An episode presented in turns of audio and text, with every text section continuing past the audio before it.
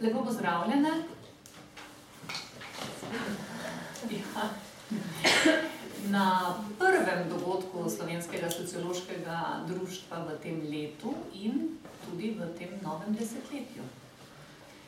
Veselje mi je, da smo za ta prvi dogodek uh, uspeli izboriti mesto naši knjigi, ne, lahko rečem naši knjigi, ki je čisto sveža, pravzaprav izvestna, ne, iz uh, tiskarne je prišla decembra. Ja, konc decembra. Tako, in uh, danes bomo torej govorili o knjigi Zaščita otrok pred nasiljem in zanemarjanjem v Sloveniji.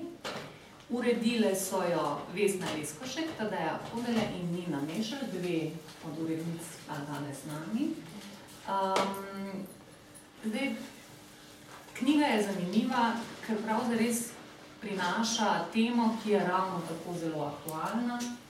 Nasilje nad otroki je torej tema, ki vznemirja ne samo javnosti, ampak tudi različne stroke, raziskovalke, raziskovalce, medije in na zadnje tudi politike.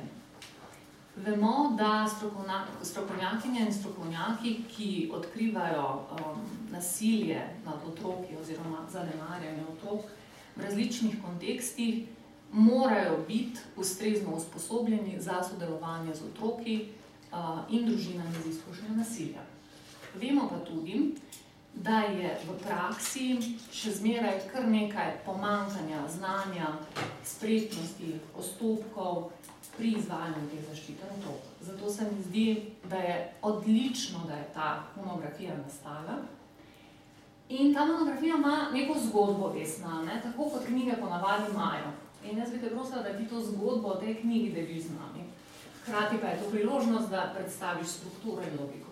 Ja, najlepša hvala. Uh, za uh, začetek samo to, da mi je žal, da danes uh, ni založnika tudi uh, in uh, ne par izvodov uh, knjig, namreč nek nesporazum smo imeli, danes pa tudi založnika ni bilo v službi jaz nisem mogla prideti do knjig, da bi jih sem prinesla, tako da mogoče lahko dan sam za okol, tale izvod knjige pa prosim potem za nazaj, drugače pa knjigo izdala fakulteta za socialno delo in je tam lahko tudi uh, naročite bi te lahko prosila tam, da tale izvod.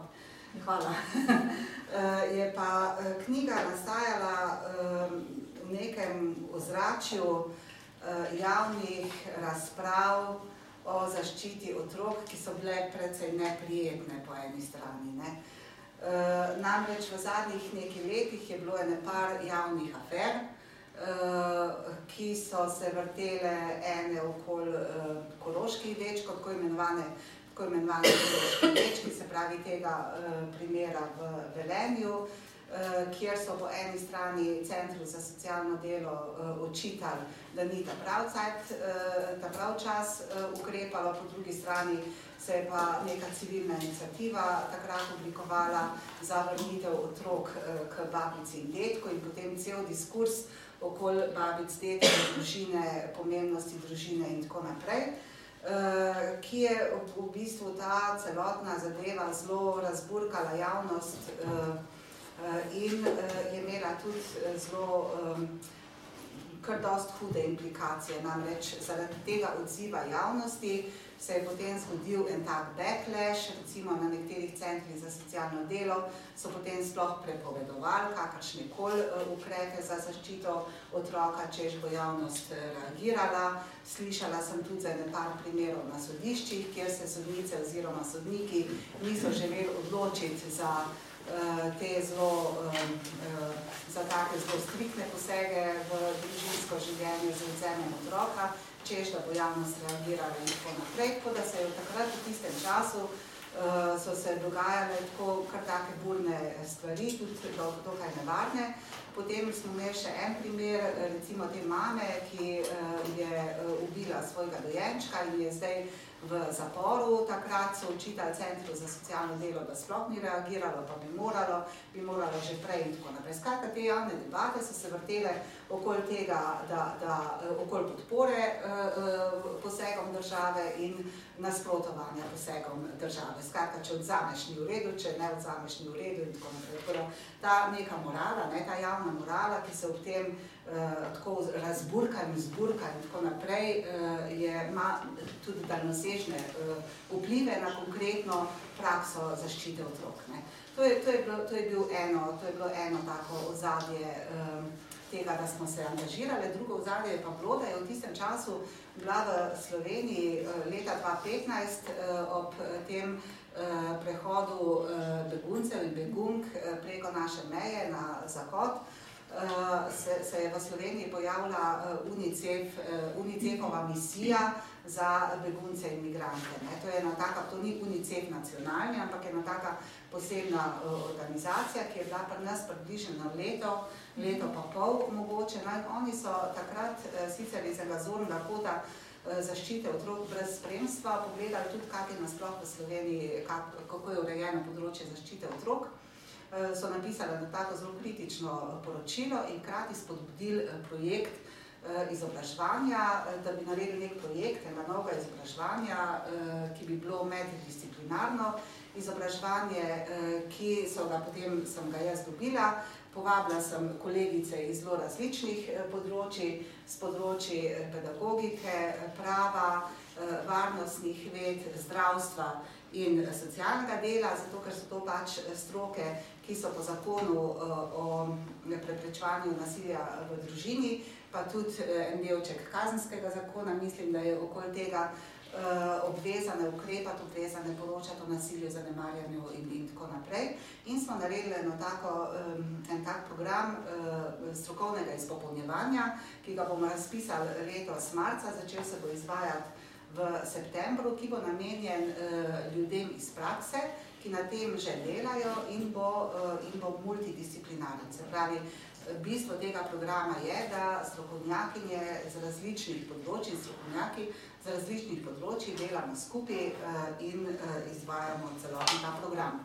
No, in potem se je kot nek produkt vsega tega dela pojavila tudi ideja, najprej v posebni številki revije Socialno delo, potem smo pa kmalu opazili, da smo z teksti ne, in z našo produkcijo bistveno presegli um, omejitve revije in smo se potem odločili narediti uh, znanstveno monografijo, uh, ki je zdaj tukaj pred, pred nami. Značilnost te monografije uh, je, uh, da je večina poglavij v, v knjigi pisana, uh, uh, so pisale predstavnice različnih znanstvenih disciplin. Se pravi, da je vsako poglavje skoraj, razen mislim, da tvojega, Katja, ne, ker je tako pravno naravnano, ne, uh, skoraj vsako poglavje je zares pisano z različnih perspektiv. To, to je ena značilnost, druga značilnost tega pa je, da je knjiga strukturirana tako, da ima v uvodu neke temeljne konceptualne nastavke, ne, nismo se preveč spuščali v temelje nasilja, zato ker o tem že kar dost vemo, ne, osredotočili smo se bolj ali manj na nasilje nad, otrok, na, nad otroki in zanemarjanje. Potem v drugem delu knjige smo hoteli pa ponuditi znanja, ne orodja, ampak znanja o celotnem postopku zaščite, torej od odkrivanja, od, od trenutka, ko zaslutiš, da je nek otrok deležen nasilja oziroma je zanemarjen, pa do takrat, ko je treba začeti ukrepati in do konca ukrepov. Ne. Tako da to je ena taka struktura knjige, tako da v uvodu imamo, imamo članke o tem, kaj sploh, kaj sploh so pravice, kaj je korist otroka, kake, kaki so pravni okviri, potem tudi nekaj o raznolikih kontekstih, v katerih se to nasilje in zanemarjanje dogaja. Potem se pa začne ta bolj fokusiran del, ki gre po postopku zaščite, ki govori najprej o razkritju, potem govori o postopkih, potem govori o mestu otroka v teh postopkih, torej o zdravno informirani praksi, ne, oziroma ti imaš, potem boš ti potem več govorila in se zaključi z nujo medinstitucionalnega sodelovanja. Namreč v vseh teh postopkih smo začeli razumeti, da brez sodelovanja vseh, ki so vpleteni v sistem, ni učinkovite zaščite otroka. Učinkovita zaščita otroka je pa takrat, kadar ima otrok možnost okrevanja po vsem tem, kar se mu je dogajalo. Kadar je na varnem, se mu zagotovi varnost in ima možnost okrevanja od vseh stvari, ki so se mu uh, dogajale, tako mi tako uh, to definiramo. Mogoče sam še nekaj besed o tem, da se srečujemo, pri tem, ko govorimo o zaščiti otrok, se srečujemo z hudo obremenjenimi, ideološko obremenjenimi eh, koncepti. Ne. Eno tako je že sama zaščita otrok, ne, ki je zelo spolzek, na en način zelo spolzek teren. Ne. Kdaj se država odloči zaščititi otroka, kaj je za državo, ki ukrepa, kaj pomeni zanemarjanje, kaj pomeni nasilje, kako je država sposobna vse to brati, čitati in, in tako naprej. Ne? Kaj je sploh družina za državo, kako družina sploh pojmuje in, in tako naprej. Ne? Tako da tukaj je polno nekih, nekih stvari, nekih prepričanj, da so določene družine recimo eh, bolj eh, predisponirane za zlorabe in nasilje, recimo, to je nekako splošno eh, prepričanje in tako naprej. Skratka, to je ena stvar. Pol je, pol je recimo eden od takih hudo eh, ideološko obremenjenih konceptov je otrokova koristne.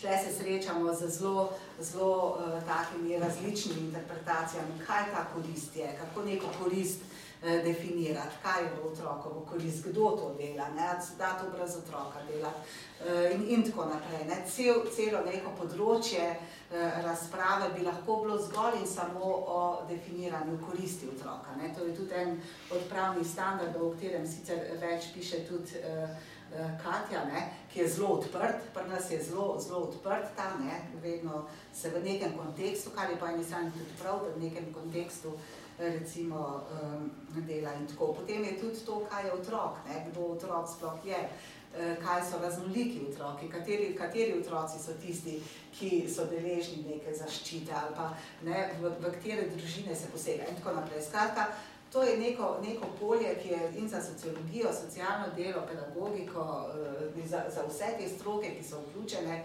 zelo uh, pomembno. Ne? Mogoče sam še, če zaključim še to, ne? Uh, nam se je zdela tudi strašno zanimiva eh, izkušnja eh, tega meddisciplinarnega sodelovanja. Ne. Mm.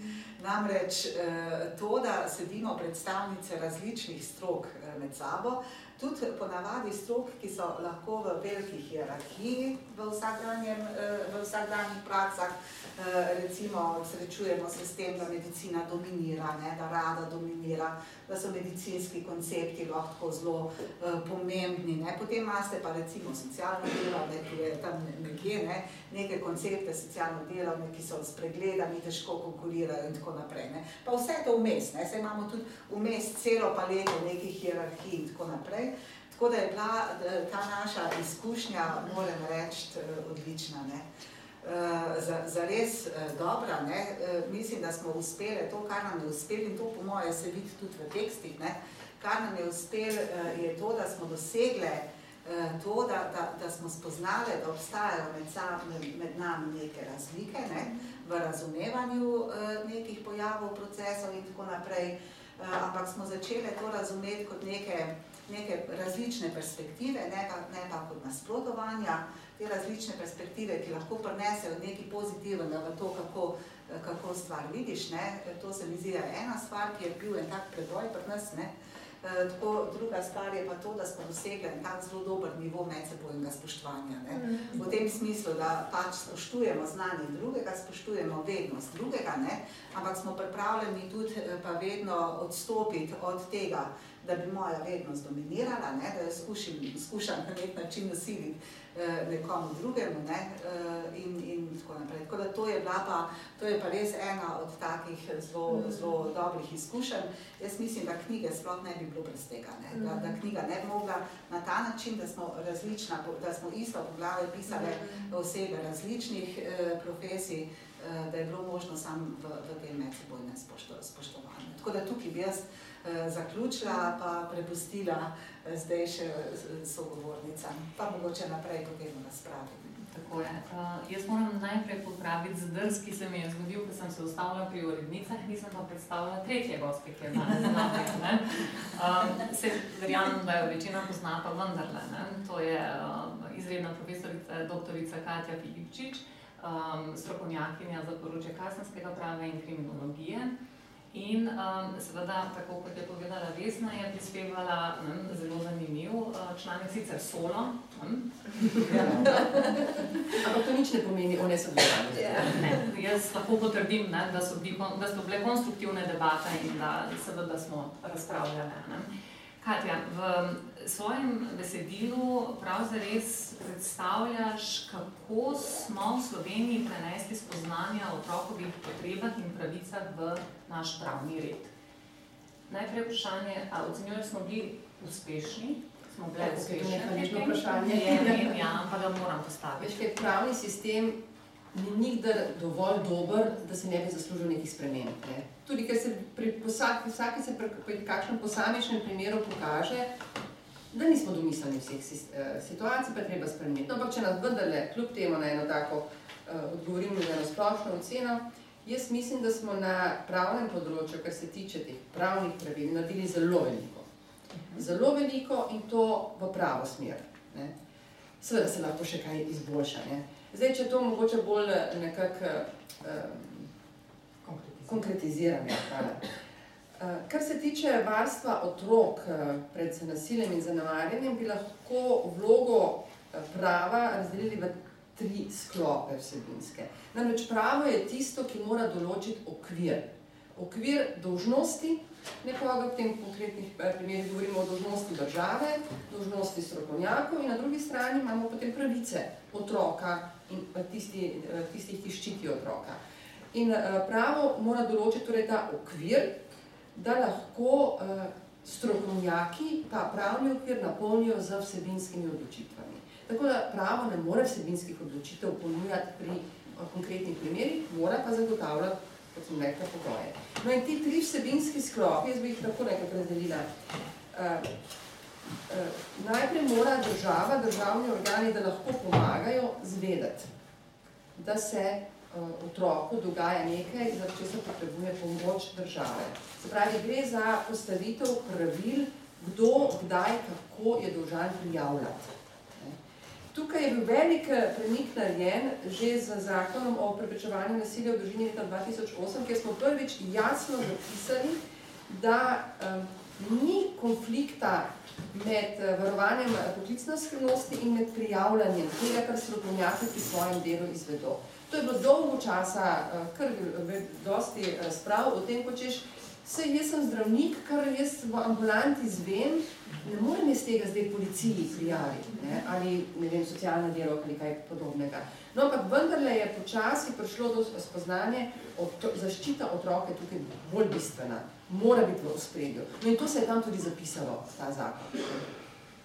In seveda tudi druge, druge v ostali zakonodaji, ki je dosti razvejena, se je določilo, poostrilo dožnost prijavljanja. Se pravi, država mora zvedeti, da lahko potem pomaga. Ne.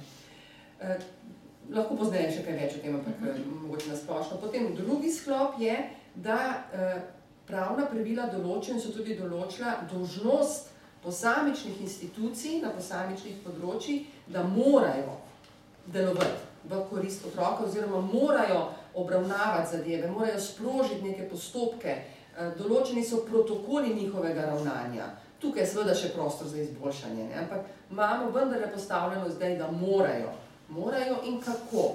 Eh, znotraj tega tudi eh, je zapisano, kar je izredno pomembno, seveda vprašanje potem, kako v praksi živi, da morajo tudi sodelovati med sabo. Ne? In tudi so določeni neki mehanizmi, kako morajo sodelovati. Seveda je potem to potrebno za vsebinskimi odločitvami na polno. No in pa tretji sklop, ki ga pravo ureja, pa, so pa ukrepi. Ne? Se pravi, imamo prijavljanje, imamo obravnavo, kaj ne pa iz tega zdaj uh, izide, kakšen ukrep, ki bo otroku v korist. Ne? Uh, tako da so določeni v zakonodaji tudi ukrepi. Ne? ukrepi, ki eh, naj bi pomagali otroku, ki naj bi ga varovali, ki se nanašajo neposredno na njega, recimo v družinskem zakoniku imamo paleto takšnih ukrepov za varstvo otroka, po drugi strani imamo pa v kazenski zakonodaji pa sankcije za tiste, ki zlorabljajo otroke, ker tudi za kaznovanje njih se ščiti otroka, ne samo tega otroka, ki je bil zlorabljen, ampak tudi kot preventiva za vse ostale, pa tudi simbolna vloga seveda. Tako da ti tri sklopi, pa namreč bi še kakšen podsklop lahko uh, omenila, so uh, pri nas v zadnjih če rečem, 20 letih, posebej še 10 letih, doživljali pomembne spremembe in vse so šle v smer, da bo pomoč učinkovita, se pravi, da bo sistem deloval. Če kaj bolj podrobnega, pa se ne vem. Ne, ne, všeč, da si izkoristila priložnost, da nas vendarle pohvališ na mesti, kjer smo naredili nek korak naprej in smo pač, ne, postavili temelje. Nadaljevanje to videla še do česa. Ok, Nina, da te ne pustim ne, tam na koncu. Vedete s kolegico, um, ki prihaja ravno ne, iz medicinske stroke in je bilo res ne, zelo zanimivo z njo sodelovati. To je res ena tako prijetna oseba, ne, z veliko znanja in izkušenj svojega področja. To je Maja Drobničara, Raduljac, um, ki je um, psihiatrinja, ne, pedopsihiatrinja. Vedve sta pisali pravzaprav o um, razumevanju travme, za katero, ne, ko sem prebrala vajno poglavje, mi ni bilo prezentno, kako je slabo pravzaprav to um, raziskano, um, kako je bilo to slabo pokrito v fokusnih skupinah, ko smo pobirali ne, te uh, interesna področja oziroma področja, kjer bi morali uh, okrepiti, ne, pa se, če se prav spomnim, pojavi travma samo enkrat. Tako da mogoče za začetek, mogoče kaj o teh, tem razumevanju travme in pomenu tega pri ne, uh, postopkih zaščite. Ja, jaz moram reči, da tako kot uh, ima knjiga svojo zgodbo, ima tudi to poglavje svojo zgodbo, ne, da je nastalo. In nastalo je ravno zaradi tega, ker um, smo v poročilu, ne, ki smo ga um, brali, na podlagi fokusnih, mogoče tako za o, orientacijo, da boste vedeli, delali smo fokusne skupine z različnimi. Um, Ja, z različnimi deležniki, ki delajo na področju zaščite, spravi s političnimi odločevalci, z raziskovalci, ki se s to temo ukvarjajo, in pa z ljudmi iz prakse, z različnih področji. In seveda tam so nagovorili zelo pomembne stvari, ki so bile tudi tam v pomoč pri pripravi potem programa. Ne? Ampak v tem programu je potem dejansko zares samo enkrat omenjena tema travme kot nekaj, kar bi mogoče, pa še tako posredno skozi nek predlog teme, ki naj bi bil vključen v, v to izobraževanje. Ne. Kar je mene zelo presenetilo, zaradi tega, ker um, postopki zaščite otrok ne, so pa zelo povezani s tem travme. Ne, otroci, um, ki so vključeni v postopke zaščite, so imeli veliko izkušenj povezanih s travmo, oziroma lahko že sam postopek zaščite ne, um, je tudi povezan z nekimi traumatičnimi izkušnjami. Potem se pokaže tudi to, ne, da um, dosti krat je um, to, da, je, da človek ni dobil ustrezne podpore ne, v nekem traumatičnem izkušnju, lahko pomeni tudi prenos um, te, um, ne, ta, govorimo o, o transgeneracijskem prenosu travma in otroci, ki so danes, naprimer, žrtve nekega nasilja, zanemarjanja, se potem izkaže, da so dosti krat povezani um, pač povzročitelji, njihovi starši, doskrat bili sami žrtve um, nasilja in zlorab v otroštvu. Ne? In ta njihova travma ni bila razrešena, kar seveda ne upravičuje njihovega ravnanja, ampak je, je pa ne, zato tako pomembno, da travmo ustrezno naslovimo. Um, ne na zadnje je pa tudi um, travma povezana s sekundarno traumatizacijo, se pravi um, strokovnih delavk in delavcev z različnih področji, ki delajo ne, um, na, na postopkih zaščite.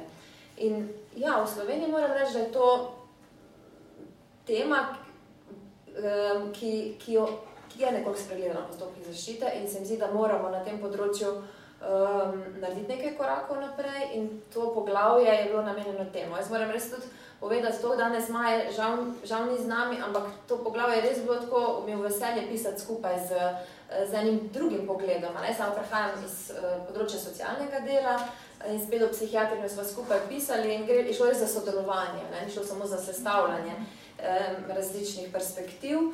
Um, za izhodišče smo pa vzeli, kar si rekla, razumevanje travme, smo pa vzeli izkušnje iz tujine, um, ker V tujini so se pa postopki zaščite, tako na prav celi sistemi ne, um, zaščite, zelo začeli ukvarjati um, s to temo. A ne, so se prestrukturirali um, ti postopki zaščite v tako imenovane na razumevanju travme, um, te, no, na razumevanju travme utemeljene postopke zaščite. In um, nekako smo izhajali iz tega, to smo vzeli kot izhodišče um, in smo potem poskušali pogledati, kaj od tega je že, a ne, um, v Sloveniji razvite, kaj že uporabljamo v naših postopkih, kje pa so še možnosti za to, da um, naredimo nekaj korakov v to smer, da bomo otroke bolje podprli. Um, v, v temelju gre pa za to, da včasih potem kdo na robe razume, ko rečemo na razumevanju ta, travme temelječi uh, pristopi, da, da, da smo vsi potem ne, tako zelo fokusirani v travmo, ampak ne gre za to. Ne? Ne gre za to, ker to ni uh, v travmo usmerjen pristop, ampak gre samo za to, da vsi, ne, ki smo nekako v ta sistem vključeni, imamo neka temeljna znanja.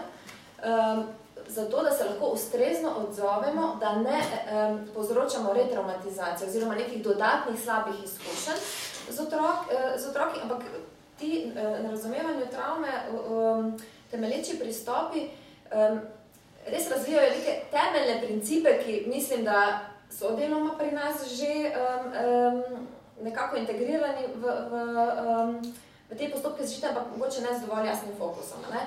Gre za to, da se ustvari res varno okolje za vse udeležene v teh postopkih, um, pa tudi za strokovne delavce. Ne? In um, v temelju pa prenese tudi novo razumevanje, uh, oziroma tako paradigmatski premik v tem razumevanju tega, kaj se človek, da to, kar se človeku oziroma otroku v življenju dogaja, je, ima vpliv na, na to, kako se potem njegovo življenje odvija. Ne? Ker dosti krat si včasih si nekatera otrokova vedenja še vedno žal strokovnjakinje in strokovnjaki napačno interpretiramo in potem se usmirimo na neko odstopajoče, odklonsko vedenje otroka, ne pogledamo pa celega konteksta. In ta um, na razumevanju travme utemeljen pristop naredi ravno ta premik od tega fokusa, kaj je s tabo narobe, k temu, kaj se tebi v življenju zgodilo. Ne?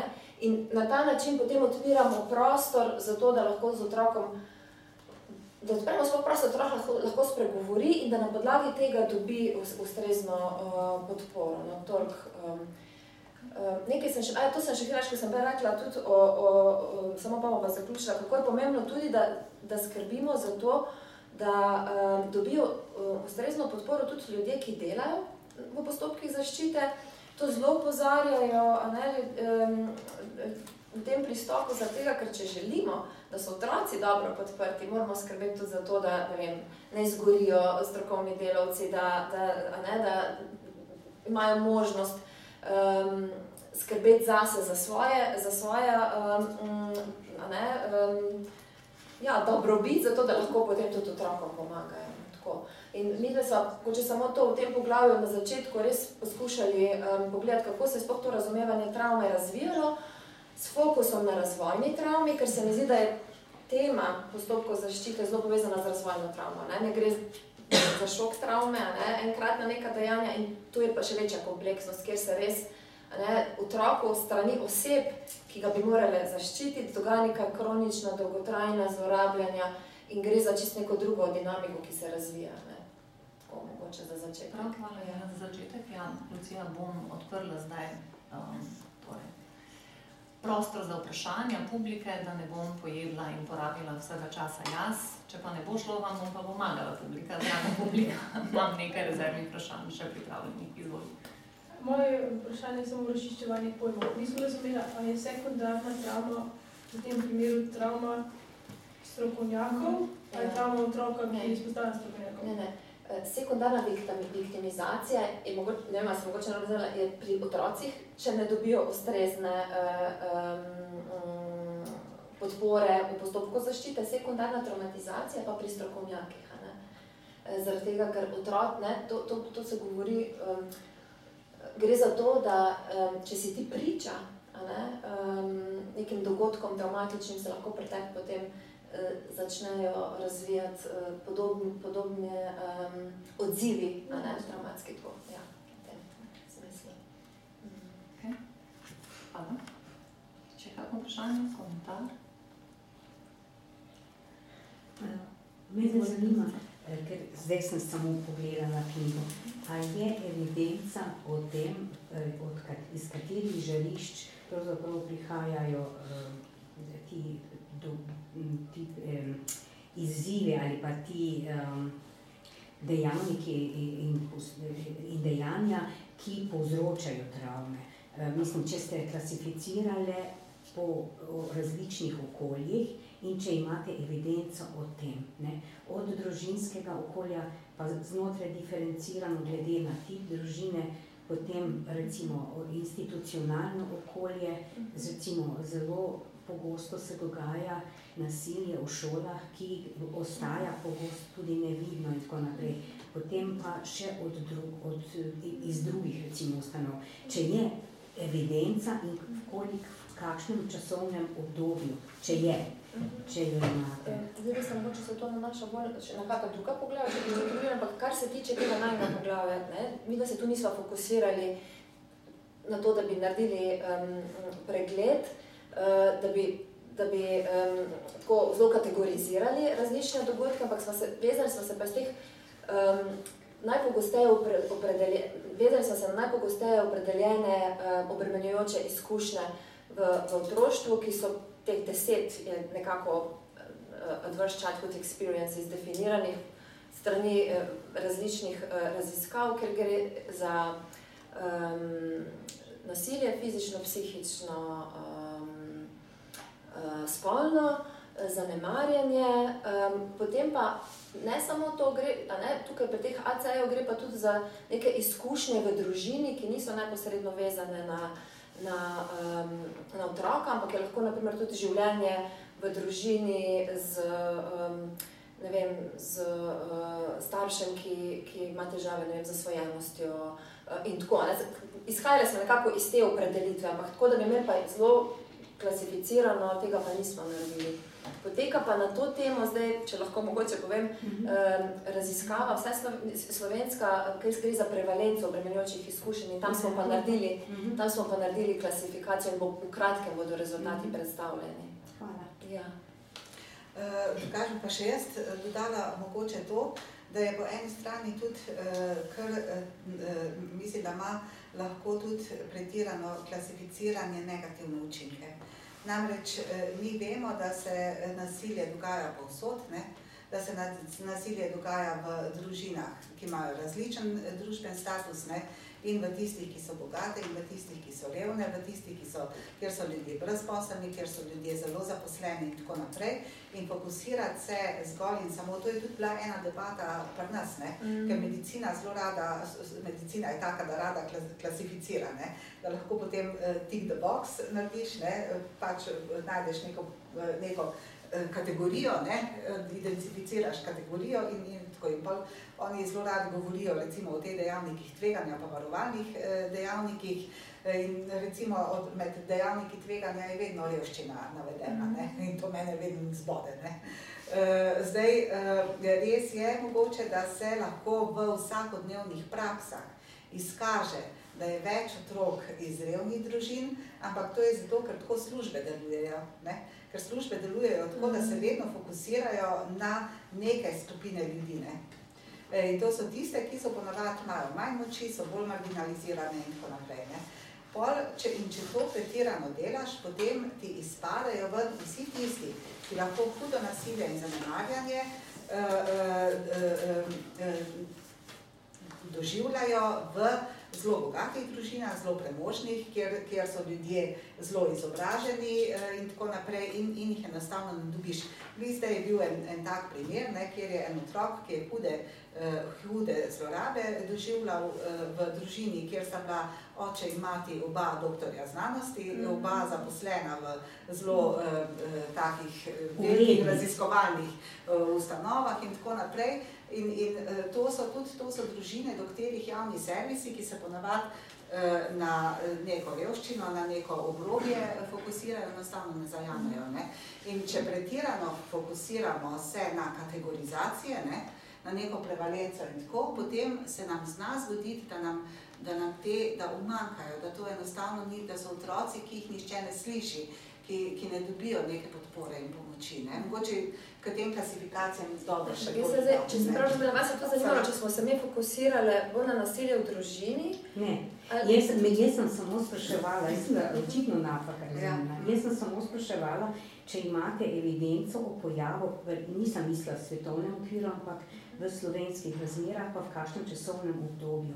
Ka- Mi je pa zelo zanimiva zdaj ta razprava, če smem samo en stavek ali dva dodati. Namreč eh, pogosto eh, je usmerjenost na nižje eh, socialne plasti v zvezi z nasiljem posledica že stereo- stereotipnega Ja, neprepričanja, Ja. da se recimo to lahko dogaja samo tam. To pa v ne, tako imenovanih nepopolnih družinah. To je oznaka, ki je veljala recimo pred 40-50 leti in na kateri je in ob eh, obravnavi eh, predloga družinskega zakonika pred do slabim desetletjem je spet prišla ne, na dan, češ da eh, vnaprejšnje strašenje s tem, kaj pomeni, če ni družina, oče, mati in otrok in tako naprej. Ne. Mislim, pa še ena stvar je, eh, Vesna, ko si omenjala ravno statusno više stoječe družine. Ne. Eh, Te družine zelo rade poskrbijo, da se zadrži za zidovi privatnosti oziroma zasebnosti nasilje v vseh ozirih nad ženskami in nad otroki, ravno Ja. tako. To se Samo dobro za- velja. Da se Ja. tudi primere opisujemo, ne, ker se še vedno nažalost dogaja, da tudi mogoče otrok spregovori o tem, se že začne postopek, pa se potem zaradi mogoče Ja, ja. Moči staršev, moči staršev Ja, potem ja, ustavi. To spregleda. Ne? Ja. To je recimo tudi, se o tem bi mojca znala tudi dosti eh, povedati. Ne? To je bilo isto pri nasilju nad ženskami. Ne? Da, so, da so ženske, ki živijo v uglednih družinah, težje včasih spregovorijo ali pa ne dobijo toliko pozornosti, dlje časa zdržijo nasilje in tako naprej, ne? Eh, ker ne dobijo, ker, ker je vedno vprašanje, tle, tle je vprašanje tega, kdo, koga država nadzira. Ne? Kdo je torej klient, ne? Kdo, je, kdo je uporabnik eh, in?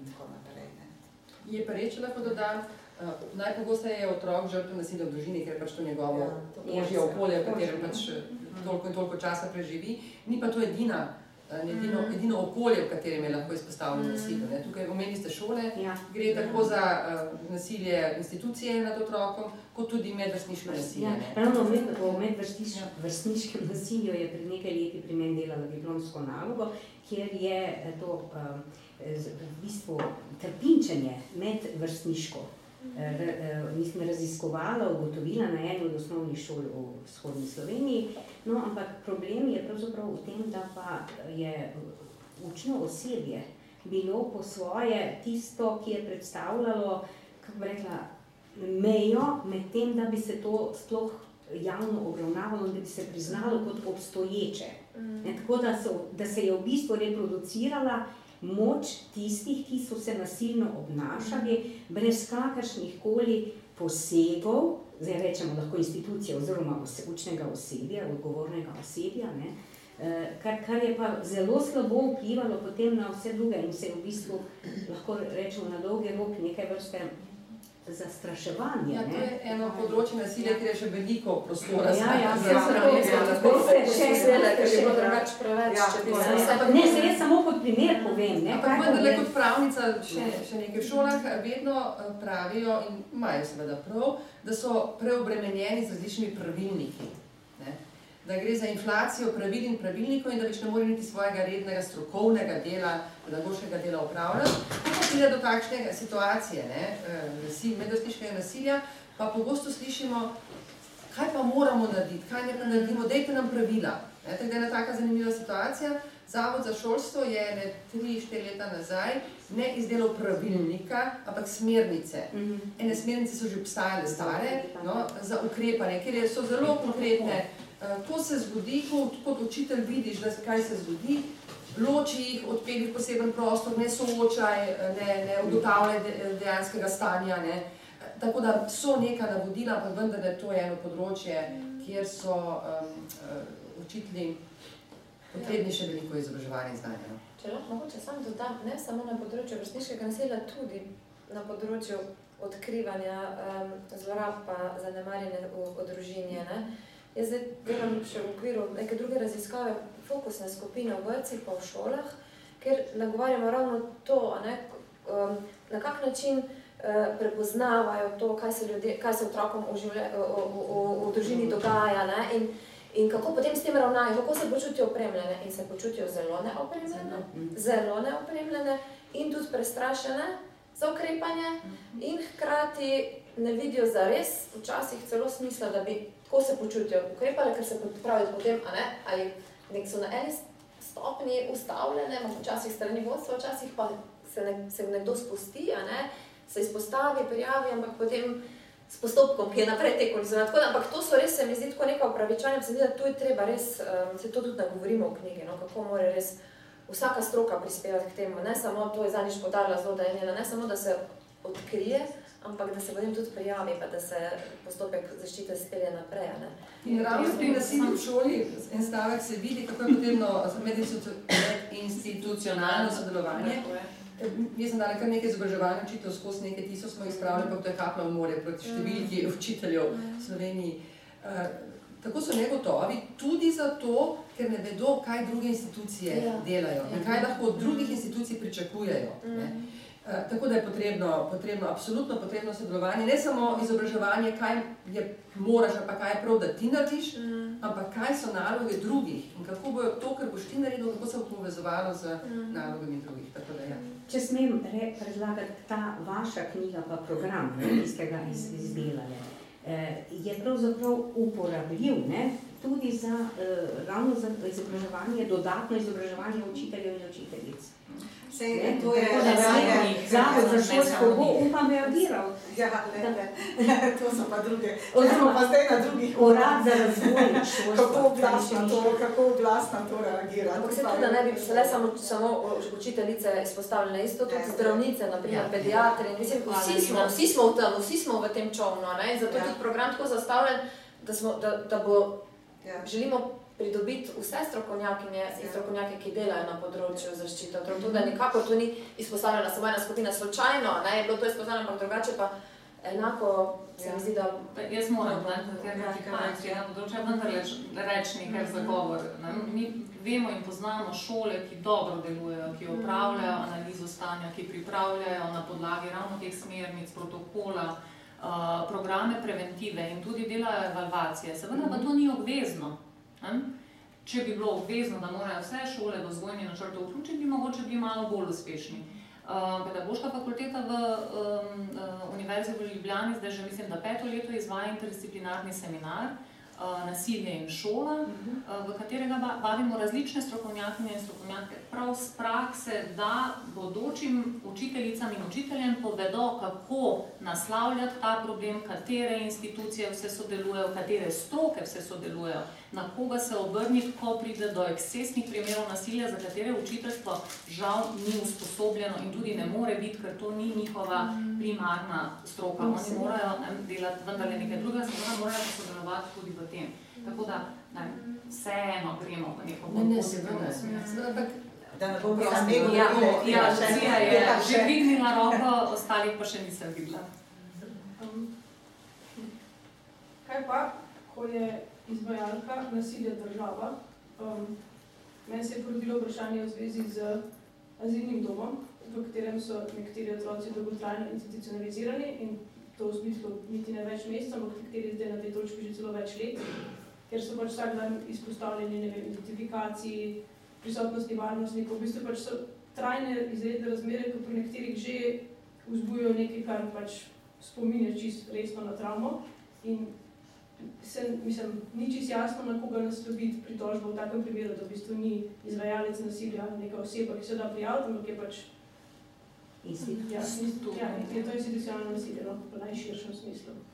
Tle se mi zdi, da imamo res velike težave, ne, pri vsaki instituciji, ne samo pri azilnem domu. Isto je, recimo, če bi šli gledati vzgojne zavode slovenska, pa če bi šli gledati, ne vem, ne, neke institucije, v kateri so, so otroci, ne, pa recimo isto vrtce ne, ne gre samo za to, kaj starši delajo otrokom, ampak tudi kaj vzgojiteljica ali vzgojitelj dela ali pa socialna delavka, kdorkoli, ne, kaj, na, kaj se dogaja na pediatričnem oddelku in tako ne. Uh, in naslavljati te probleme institucije je najtežje zaradi tega, ker so tukaj tišine, ne, ker, ker so tukaj neka zavezništva, ne, ki, je, ki jih družina včasih nima. Sploh recimo te najšipkejše družine nimajo zaveznikov, ne, so, bolj, so bolj izpostavljene nadzoru javnosti, ne, institucije pa ne. ne. Tako da zagotovo je tukaj velika težava. Ne. Tudi tle, mi smo že imeli neke primere, tudi kjer je otrok povedal, pa ga nišče ne sliši. Ne. Vse isto je recimo v družini, ampak kada se to v instituciji dogaja, pa sploh. Ne. Potem tudi vemo to, da se institucija zelo težko odloči, kako potem ravnati z človekom, ki je recimo zlorabljal otroka, pa je predstavnik institucije, ne, dostkrat se zgodi, da ostane v isti službi, se prestavi nekam in tako naprej. Ne. Potem imamo tukaj zdaj celo vrsto uh, primerov v cerkvi, ne, v RKC, kjer gre tudi za neko institucijo in tako ne. Tako da tam v te primere je zagotovo težko naslavljati in tukaj se mi zdi, da državo čaka še velik, ne. Tle državo še velik čaka, ne. Tle se morajo vzpostaviti neki sistemi, kjer postane nasilje v instituciji transparentno, ne ni več skrito. Ne? Tako da tle, tle se je odprla neko področje, ki je zagotovo zelo, zelo zahtevno in težko. Ne, ne, ne, ne znam vam drugače govoriti. Jaz sem pa še eno vprašanje. Ko sem eh, bila na predlani, mislim, Sežanja, ki je na Primorskem, pa sem videla, da imajo informacijske točke, oziroma prijavljalne točke, kjer otroci lahko prijavljajo nasilje sami. Zdaj pa zanima, ali je v okviru vašega projekta tudi kdo analiziral te, eh, kako bi rekla, točke, Ne vem, ali govoriš mogoče o UNICEF-ovih varnih točkah? Kaj, ker UNICEF ima, recimo jaz tistega projekta ne poznam, poznam pa UNICEF-ove varne točke. Ima po celi Sloveniji, ja, moder znak, ja. Ja, po celi Sloveniji ima neke varne točke, to so lahko pošte, lahko so, ne vem, banke, lahko so knjižence, lahko so, ne vem, kaj, ne. Pa da se dela, recimo, ena študentka je delala diplomsko nalogo, je analizirala uh, to ne, in je odkrila, da je zelo malo uh, bilo odkritega nasilja. Ne. Mm -hmm. Da se otroci uh, zatečejo tja po kakšne čist neke informacije, včasih mm -hmm. pridejo samo zato, ker rabijo telefon, pa rabijo starše poklicati pa tako naprej. Mm -hmm. Tako da so bile te informacije, ki so jih dobile dokaj, niso bile tako alarmantne. Mm -hmm. Je bilo pa tudi nekaj nasilja, to pa ne smem reči, da ga ni bilo, ne. je bilo pa tudi nekaj nasilja. Ampak to je diplomska naloga, ki je bila samo enem, enem, eni regiji narejena in tako ne vem pa, če obstaja kaj sistematičnega. Mm -hmm. Mogoče ima UNICEF kaj, ne? Verjetno dela kakšna analiza. Ja, to mogoče. Mm. Spoštovani, spoštovani, še kaj? Ja, jaz imam še vprašanja. Ampak mene zanima, v tistih okoljih, kjer je bila zelo velika brezposelnost takoj po zasuku sistema, ko, je, ko so bili pravzaprav razpuščeni ti veliki industrijski sistemi, recimo v Mariboru, tudi Novi Gorici in tako naprej, ali se pri sta poznajo, ker glede na to, da so starši bili kot, kot družine traumatizirani s tem nenadnim, z nenadno izgubo socialnega položaja in tako naprej, z brezizhodnostjo, ali se to more biti kje ljudi posredno pri, prek medgeneracijskega prenašanja ne, v, v sedanjih recimo, pojavih nasilja v določenih okoljih, ki so bila takrat v Sloveniji najbolj prizadeta. Ti imaš zelo zahtevno Ne, ne, ne, ne, ni tako. Če slučajno, ne, še za raziskave. Ja, ali za raziskavo, ampak če slučajno je opazno, kje kakšna tendenca. No, statistike, ja. kot res poznam, ne kažejo teh uh -huh. nekih nihanj, ki bi odražala to. Uh -huh. Ampak se veste, ko so statistike. Ne? Statistike pokažejo, koliko pride do nekih, koliko pride primerov do nekih organov, koliko ja, je pa ja. skritega, ja, nepovedenega, ja, ja. statistika ne pokaže. Tako da uradne statistike niso dober pokazatelj, ampak vendar je nekaj. Ja, nekaj povedali. Nekatere države so recimo poročale, to, to, je bilo, to so delale ne, raziskave, da je v, v času krize, ne, ta mhm. velika, da se je v času krize pa povečanja brezposobnosti pa tako naprej, da se je povečalo tudi nasilje. Ne. Mm. Zdaj jaz ne vem, koliko je to, koliko, kakve raziskave so to, koliko je to res, koliko ni, ne vem. Ne. Neki, neki, rezultati, mislim, ne, neki rezultati kažejo na to, da neke krize ne, povzročajo pač eh, lahko tudi nasilje. Nimamo pa nič bolj otipljivka, vsaj jaz ne poznam kaj bolj otipljivka, pa da bi bilo to za Slovenijo delano, tako o tem pa tudi nič ne vem. Jaz bi predno zaključeno, ker imamo tukaj pravnico, vendar le ta zmozljiv, uh, to zmozljivost in tak. Mojca, damo vam besedo. Ne, damo vam besedo. Ne, ne, ne. Damo publiki, imam Jaz imam v bistvu dve vprašanje. Eno se nanaša na, uh, na to, da zakon o preprečevanju nasilja v družini otroka opredeljuje kot žrtev nasilja v družini, tudi če je samo priča, ne, nasilju. Mm enega starša nad drugim ali pa pač katerega koli drugega člana nad tretjim članom, če tako rečem. Eh, kako ste v tej knjigi to vprašanje naslovili, me zanima, ker kolikor imam jaz informacij z terena, recimo v zadnjem času z terena, eh, še kar slišim te zgodbe, da se pač nekako um, um, v bistvu ne obravnava otroka tudi v teh primerih, da je tudi sam žrtev nasilja. Stranski, ne? Drugo, ja, drugo vprašanje, pa, uh, kar me zanima, je pa uh, zdaj zadnja desetletja, ne, odkar smo v Evropski uniji, uh, pa še prej tudi, uh, se pojavlja ogromno, mislim, se izvaja ogromno nekih projektov, ki trajajo leto, dve, tri recimo, ne, in se znotraj teh projektov uh, spostavijo neki servisi, ki velikrat tudi zamrejo. Uh, prav tale, tole vprašanje o teh varnih točkah me spomnilo, mislim, da obstajajo še neke točke, ki se imenujejo FIRST. Ne? Uh, po imenu projekta, jaz ne, ne znam zdaj povedati, kaj ta kratica pove, ampak ravno tako je nekih 20 ali 30 teh točk, kjer ne bi, kamor ne bi se ljudje lahko zatekli, če so žrtve nasilja, predvsem ne bi bilo namenjeno otrokom. No, moje vprašanje je pravzaprav, a, m, kakšen pogled imate v evalvacijo rezultatov takih projektov, ki, ki skratka, niso neke sistemske rešitve, ne, ki bi se zakonodajo uvedle, ampak takole kot neki padalci padajo v prostor in potem pač obstanejo ali pa Zdaj, jaz bi mogoče na tole, to zadnjo eh, ti uh, odgovorila, vsaj moja razmišljanja. Že dolg časa opažam to, da nimamo več celovite in konsistentne socialne politike, uh, ki bi zares neko vprašanje strukturno razmislila in poiskala neke strukturne rešitve. Ne? Ampak da so socialne politike vedno bolj rezidualne, temu rečemo, torej vedno bolj uh, projektne. Ne? Imamo po eni strani uh, ne, neke uh, državne strukture, ki delujejo po svoje in včasih celo producirajo socialne probleme, ne?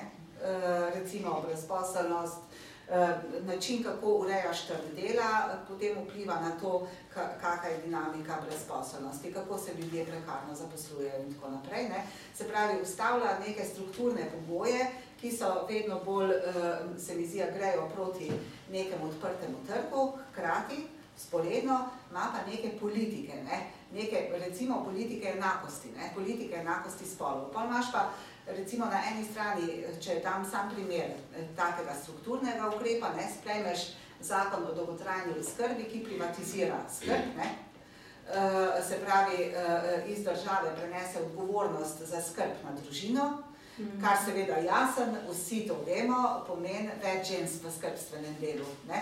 Potem imaš pa po drugi strani politiko enakosti, kako spraviti neke projekte, ne, pol neke mehne projekte, kako zdaj ženske spraviti na trg dela.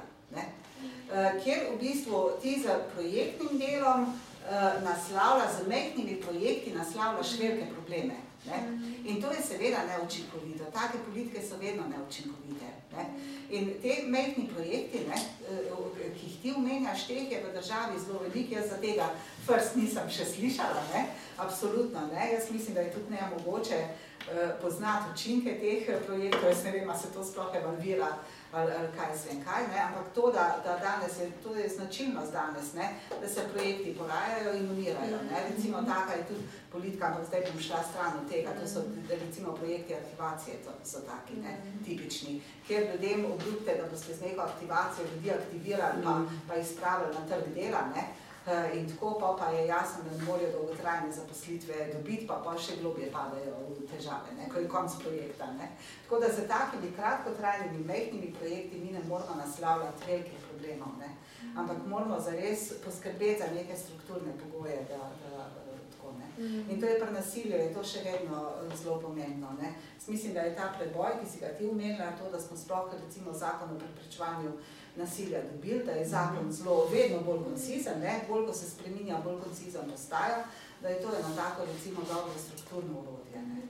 Mogoče iz našega projekta mm. smo imeli pa tudi to cilj, da razvijemo nekaj, kar bo v sistem počas prišlo, ja, pa da bo trajalo. Zato smo ta program ja. akreditirali. Ne? Ja.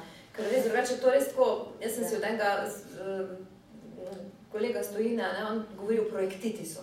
Spravi, to ni samo naš problem, ampak tudi v drugih državah. Res, ne, ne, neki projekti, ki so lahko odlični, ampak potem jih pa kar naenkrat ni. Ne, res ni potem sistemsko ja. zagotovljeno. So v bistvu blažilni, amortizirani. Blažilni, ki tiste strukturno povzročene napetosti pravzaprav mečkamo ja. Z umilno, ne, blažilno. Ja. No, ampak vedno so tudi uh, redukcionistični na, ja. na, ali pa selektivni v tem smislu, da nikoli ne morajo vse zajeti, ampak zajamejo neke skupine ljudi, ki imajo potem od tega kratkotrajne beneficije. Ne. Uh, Eh, veliko množico pa lahko zgubijo. Mogoče sam še to, kar praviš, eh, naslavljanje eh, otrok, ki so priča, ne? to je še eno od, od velikih odprtih mm. vprašanj. Ne? To, da zakon to nasledi je v redu, ne? to, da pa zdaj se v praksi pa to prepozna ne? in se na tem začne delati, se mi pa zdi, da smo še kar nekaj časa od tega. Ne? Ampak vendar ne, ogromen napredek, da, da smo to uspeli zagotoviti. Ja. Ja. Počasi se stvari spreminjajo, jaz recimo bolj uh, sem fokusirana na kazensko pravo. Na sodiščih se recimo pozna, se, zač se je začelo spreminjati, da uh, dojemajo kot kaznivo dejanje zanemarjanja otroka, te dolžne starševske skrbi, tudi to, da je otrok, da otrok odrašča v okolju, kjer je nasilje. Pa to ne mislim zdaj, da bi mamo kaznovali za to, ker jo oče pretepa, zdaj bodo pa še kaznovali, ker ni zavarovala. Ne, ne, ne, ampak da očeta, ki pretepa mamo, ne, ga ne kaznujejo samo zato, ker pretepa mamo, ampak tudi, ker je zanemaril tisto osnovno dolžno skrb do otroka, zagotavljati varno okolje. Tako da ja, se spremenja, traja traja, ampak gre. Jaz sem optimist. Ja. ne, da jaz še malo sam pesimistično noto. Ne, ne, ne, da zaključim. Ampak moram, moram to reči. Pesimistično noto zaključim. Moram to reči, ne, ker zdaj se, bolj ko so to pa tudi opažamo, ne, ko so zakoni, ko zakoni postajajo vključujoči, ne, ko ti zakonsko reguliraš tako, da prepoznaš celo paleto nekih možnih nasilnih ravnanj, ne, Eh, se potem praksa temu na nek način upre lahko. Ne? Uh, recimo, zdaj opažamo to, da, da je zakon uh, omogočil uh, zelo veliko paleto nasilja, prepoznavanje od, od ne vem, stalkinga, ne, uh, zdaj tudi pa tako naprej, pa ekonomskega nasilja pa tako. In zdaj se je začelo dogajati to, da recimo uh, policija od Centra za socialno delo uh, Eh, pričakuje, da bo center ocenil, kdaj gre za kaznivo dejanje in kdaj ne gre. Ne? Torej, da ne prijavljajo na policijo vseh primerov, ampak da sami ocenijo, kdaj gre za kaznivo dejanje in kdaj pa ne, zato ker ne bi prijavljali samo kaznivo dejanje. Ne? Torej, oni pričakujejo, da bo nekdo, ki pojma nima o, o, o, o kazenskem pravu, ki, ki to ni po stroki, ne, oceno kaznivost nekega dejanja, kar lahko v bistvu počne samo policija. Ne. In tukaj se zdaj vrtijo v nekem, v nekem takem krogu, ne, centri se temu upirajo, rečejo, ne, mi bomo vse prijavljali, zaradi tega, ker mi ne moramo tega oceniti, ne, vi ste strokovnjaki, oni pa rečejo, ne, ne, ne smete vse prijavljati, zato ker imamo mi zdaj zelo velik tega primer, teh primerov, ne, zato je, je zelo velik tega, morate preoceniti. Ampak to bo še k mojemu optimizmu, ne? Ja. ja. ja. Mislim, da to je izziv, bi rekla, da je to izziv, ne? Predlagam, da bi se taka okrogla miza, kot ste zdaj dve štiri, pojavila v, v tako imenovanem prime time, na televiziji, na prvem ali drugem programu, po možnosti na prvem, na mesto kakšnega neumnega šova ali kaj takega. Reči, malo za bom, bom, Ne, veste, kaj bi bilo, ne, to pa zelo resno predlagam, da se mogoče na Jeleno Aščič, vsaj za začetek, ena eh, mogoče obrne, da se ji sporoči o tej knjigi in da ona potem pripravi tudi oddajo za tednik, recimo, ki je zelo gledana oddaja. In ob, Zdaj, ena je že bila, ena je Ja, sej bila. vem, da je bila, ampak ob tej knjigi Ja. prav, Ja, da se to je knjigi, kot vir znanja, ne, Ja. opol- opolnomočenja tistih, ki morajo drugim pomagati, torej žrtvam opolnomo- k opolnomočenju. Tako sem mislila, zelo Ja. resno. Bomo, Ker ljudje z televizija lahko naredi veliko več kot vsi drugi mediji. Ja, In to je tako področje, ki res bi, za, eh, bi jaz računam, eh, v bistvu zainteresiralo širšo javnost. No, saj jaz bi dala še besedo, Kati, ker ima optimistično konec. Mogoče realistično, pa ni pesimistično. Ja, Eh, Naloga države ni samo, da sprejme dober zakon. Država mora tudi zagotoviti pogoje za dobro izvrševanje tega zakona. No in to je bil primer, jaz bi temu rekla, dober zakon, eh, kjer pa država ni zagotovila zadostnih kapacitet, kadra ni zagotovila. Ne? Ker to vse pomeni Ja. več obravnavanja nasilja, več potrebnega kadra, več financ. In na tem koraku Ja. smo pa še vedno šibki, ampak se tudi premika. Torej, jaz bi se zahvalila gostjem, da so prišli in nam tako lepo predstavili knjigo, ki mislim, da je vredna branja. Ne? Ja. Vam, draga publika, hvala, da ste prišli, prišle in upam, da se vidimo naslednji mesec. Hvala.